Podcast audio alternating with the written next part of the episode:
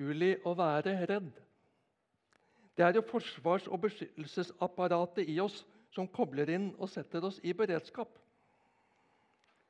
Det er ikke behagelig å være redd, men det er nyttig og nødvendig for, at en skal reagere og handle i en farlig situasjon. Det er naturlig å være usikker og utrygg på det en ikke kjenner. Ingen kjenner fremtiden.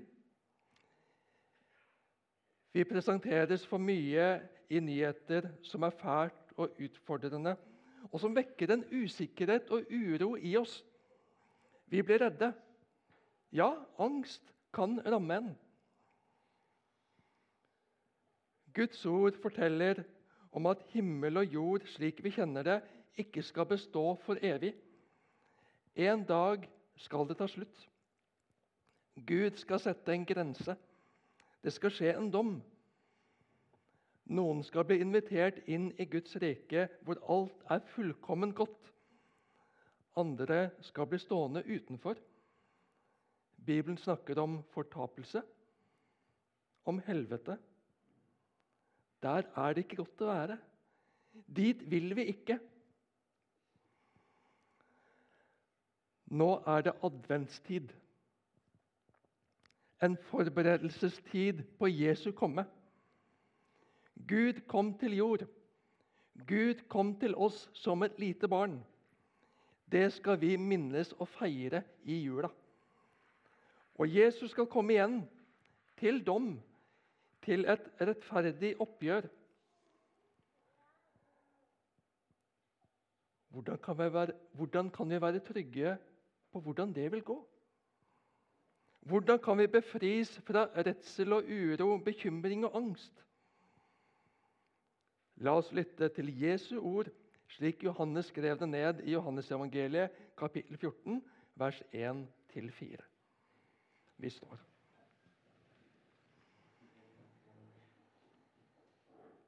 La ikke hjertet bli grepet av angst. Tro på Gud og tro på meg. I min fars hus er det mange rom.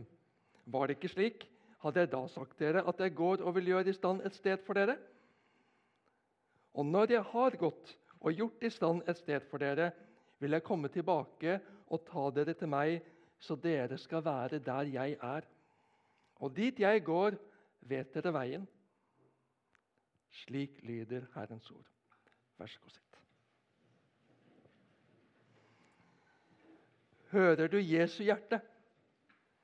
Hører du Guds fars hjerte? Han vil at du skal være nær ham. Han vil gjøre i stand et sted for deg, for dere, for oss. For så å komme tilbake og ta oss med til seg. Så vi skal være der han er. Det er Guds inderlige ønske. Han ønsker å berge deg. Han ønsker at du skal ha det trygt og godt. Han ønsker at du skal være der han er. I hans omsorg, i hans beskyttelse, i hans rike. Der alt er bare godt. Vær ikke redd. La ikke hjertet bli grepet av angst. Han sier ikke 'det er ikke noe å være redd for'. Han sier ikke 'alt blir bra'.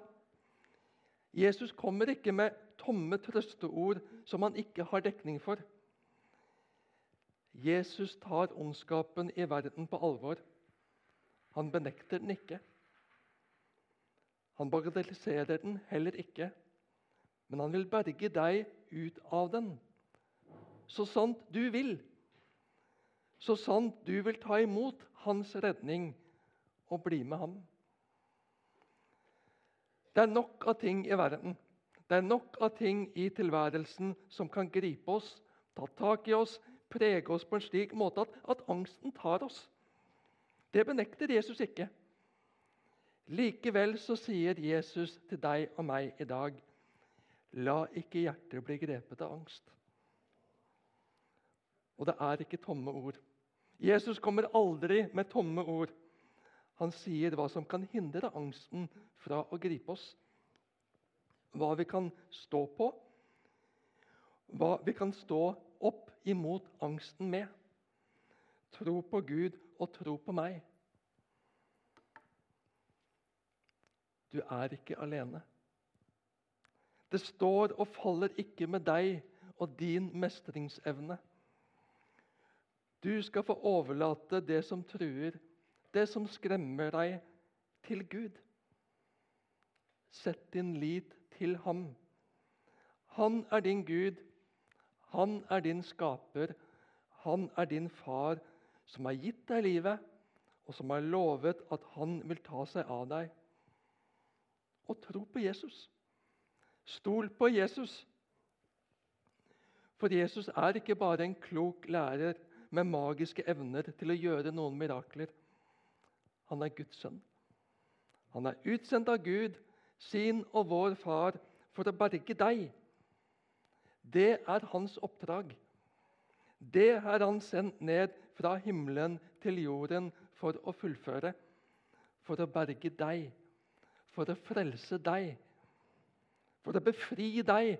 Ja, åpne veien og vise deg veien hjem til far. Og om det skulle være engstelig for at Gud ikke har plass til deg, så sier han det veldig konkret og bokstavelig. I min fars hus er det mange rom. Gud har plass nok til alle. Gud har plass til deg. Hos Gud er det ingen plassbegrensning. Vi har nettopp bygd litt ut og bygd om Misjonshuset, bl.a. for å få plass til flere. Flere har bestilt Misjonshuset i romjula og nyttår fordi de har for liten plass i hjemmene sine til å huse alle de vil ha plass til. I byen så kan vi kjenne på plassbegrensninger. Og Denne uka så var det en som foreslo å, å montere gummi, og gummibelegge hjørnene eh, nede i garasjen. For det, det, er litt trangt der nede. Det er litt trangt og smalt. Det er lett å skrape borti. Det kunne vært fristende å, be, å ta en håndsopprekning på hvor mange som har erfaring med det, men det skal jeg ikke gjøre. Men jeg måtte ha blitt blant dem. Mm. Men hos Gud, vår skaper og far, der er det ikke trangt. Der er det ingen plassbegrensning. Gud har rikelig plass til alle. Tro på Gud og tro på meg, sier Jesus. For det er mye i oss som er vanskelig for å tro det. Har Gud virkelig plass til sånne som meg? Vi kan kjenne på ting i fortiden som gjør at vi vil skjule oss. Vi vil gjemme oss, for vi skammer oss. Vi setter oss mål. Vi lever i en tid hvor den skal være unik. Den skal mestre veldig mye. Utdannelse, jobb, trening, være i god form, ta vare på utseendet, være morsom, kunne vise til både ferdigheter og statussymboler som hus og hytte og bil og ferier og reiser. Og alt blir veldig gjennomsiktig i dag gjennom sosiale medier, hvor vi ser hva alle andre gjør og har og lykkes med. Og Det fungerer heller ofte som usosiale medier. For vi blir sittende på avstand bak hver vår skjerm og betrakte hverandre, misunne hverandre og kjenne fort på underlegenhet overfor hverandre. Jeg lykkes ikke. Jeg har alle muligheter, men jeg får det ikke til. Slik som han, slik som henne. Jeg feila. Jeg mislyktes. Jeg skuffa. Jeg er mislykka. Skammen tar en.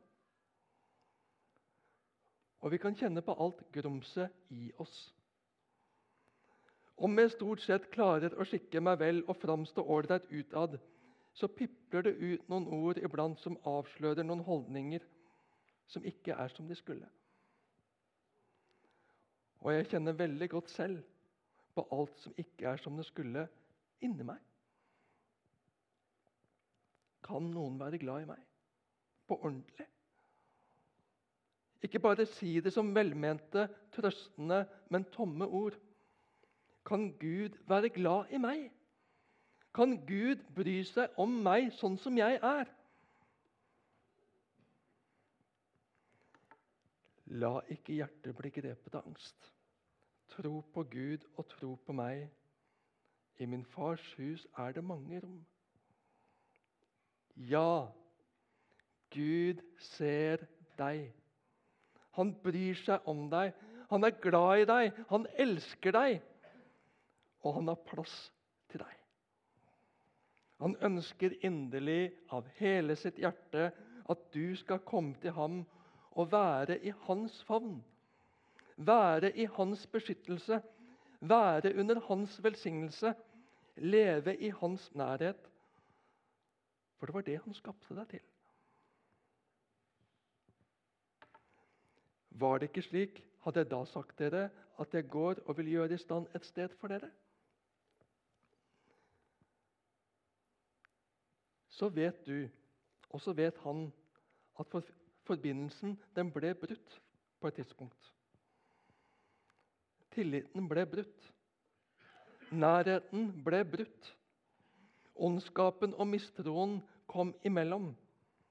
Mennesket valgte en annen vei, en annen rolle, og selv ville være Gud istedenfor å være underordnet Gud. Våre forfedre, de første menneskene, Adam og Eva, valgte å lytte til en annen stemme. Det ble et fall og et brudd, en mistro til Gud og en avstand.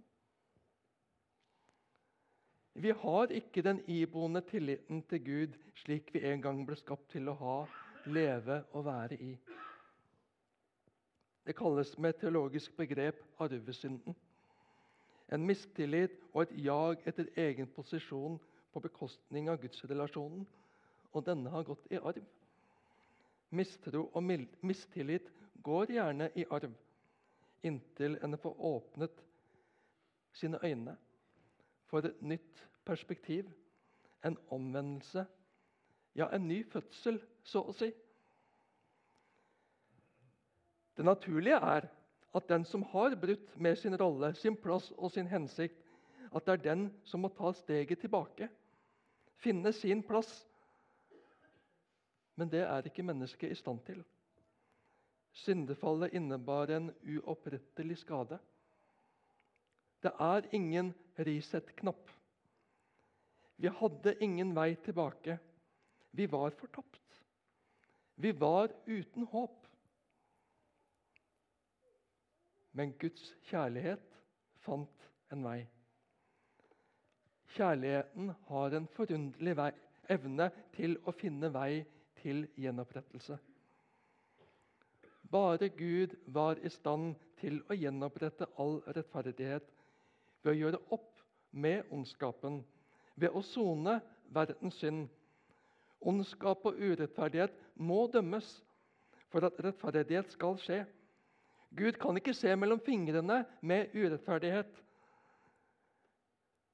Men vi er ikke i stand til å bære den dommen og leve. Den rettmessige dom er fortapelsen. Det eneste sted Gud ikke er. Jesus, Guds sønn, den eneste fullkomne, rene, tok på seg din og min synd og skyld og skam og bar den. Se Guds lam som bærer bort verdens synd, vitnet døperen Johannes og pekte på Jesus. Han som var veiryddet for Jesus, han som skulle hjelpe folk til å se og tro Jesus når han kom. Jesus bar din og min skyld og skam på korset. Der døde han under byrden av dem. Jesus kunne lett unngått å bli tatt til fange. Han kunne ved en maktdemonstrasjon revet seg løs fra korset og demonstrert hvem han var, slik som han ble spottet og fristet til å gjøre. Da hadde han, da hadde han gått fri. Og da hadde han sannsynligvis fått vekket stor beundring og begeistring. Men da hadde ikke du og jeg gått fri. Da hadde vi fortsatt vært bundet under vår synd. Men Jesus tok den. Han bar den, han sonet den, og Paulus skriver det slik i Kolossebrevet 2, 14-16. Gjeldsbrevet mot oss slettet han det som var skrevet med lovbud. Han tok det bort fra oss da han naglet det til korset. Han kledde makten og åndskreftene nakne og stilte dem fram til spott og spe da han viste seg som seierherre over dem på korset. La da ingen dømme dere. La ikke hjertet bli grepet av angst. Tro på Gud og tro på meg. I min fars hus er det mange rom. Du skal få hvile hos Jesus. Han har laget plass til deg. Han har åpnet veien hjem til far for deg. Han har gjort alt som skal gjøres. Du skal få si takk og ta imot. Takk, Jesus, at du har sonet all min synd og åpnet veien hjem til far for meg. Jeg tar imot deg og overgir meg i dine hender. Der er det helt trygt å være. Ingen kan rive deg ut av hans hånd. Vi kan oppleve uro i oss og rundt oss. Det skal komme krig og rykter om krig, forberedte Jesus oss på. Motstand og forfølgelse er en del av virkeligheten for den som hører Jesus til. Like fullt skal du få være helt trygg i Jesus. Jesus er seierherre. Han har kontroll. Han vil føre deg helt hjem. Men Herrens øye hviler på dem som frykter ham og ventet på hans miskunn, så han kan fri dem fra døden og holde dem i live gjennom hungersnøden, hørte vi lest fra Salme 33. Samme hva som rammer oss.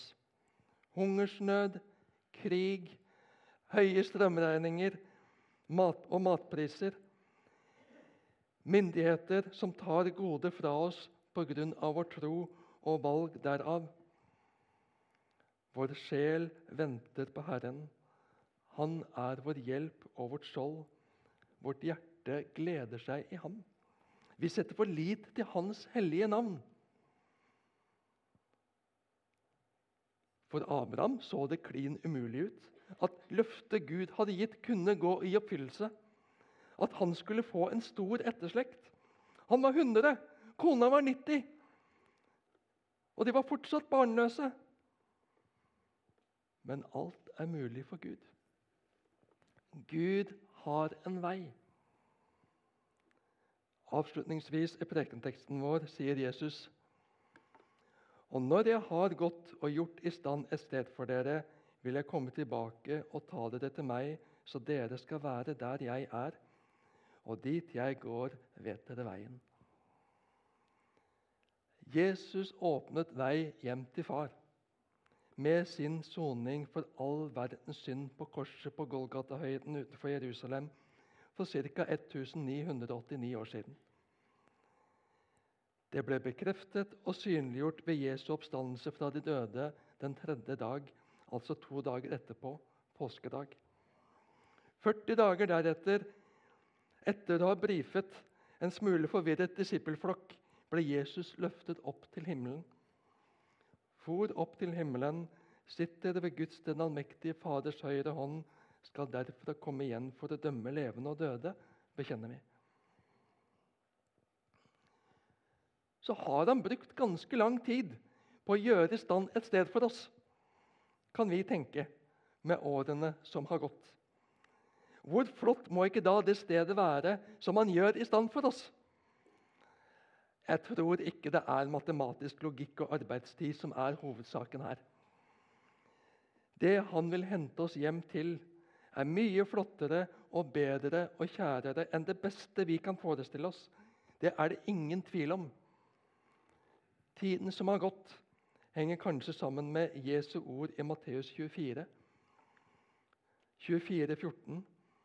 Om dette evangeliet og dette evangeliet om riket skal forkynnes i hele verden til vitnesbyrd for alle folkeslag, og så skal enden komme. Vi fikk i oppdrag å gjøre alle folkeslag til disipler. Men det oppdraget er ikke fullført. Fortsatt er det veldig mange folkegrupper i verden som ikke har vitnesbyrdet om Guds farshjerte og Jesu frelsesgjerning for å berge dem i sin midte. Jesus skal komme igjen for å hente sine hjem.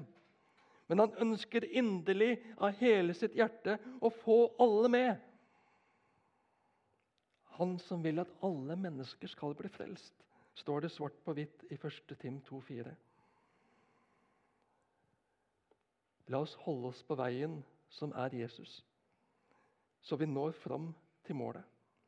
Og la oss fortelle budskapet om Jesus, dele det, gjøre disipler, så flest mulig kan komme inn på veien. I Jesus har vi ingenting å frykte, ingenting å engste oss for. Du skal få stole på ham, du skal få hvile i ham. Han har rikelig med plass. Han er med. Han vil føre oss hjem. Amen.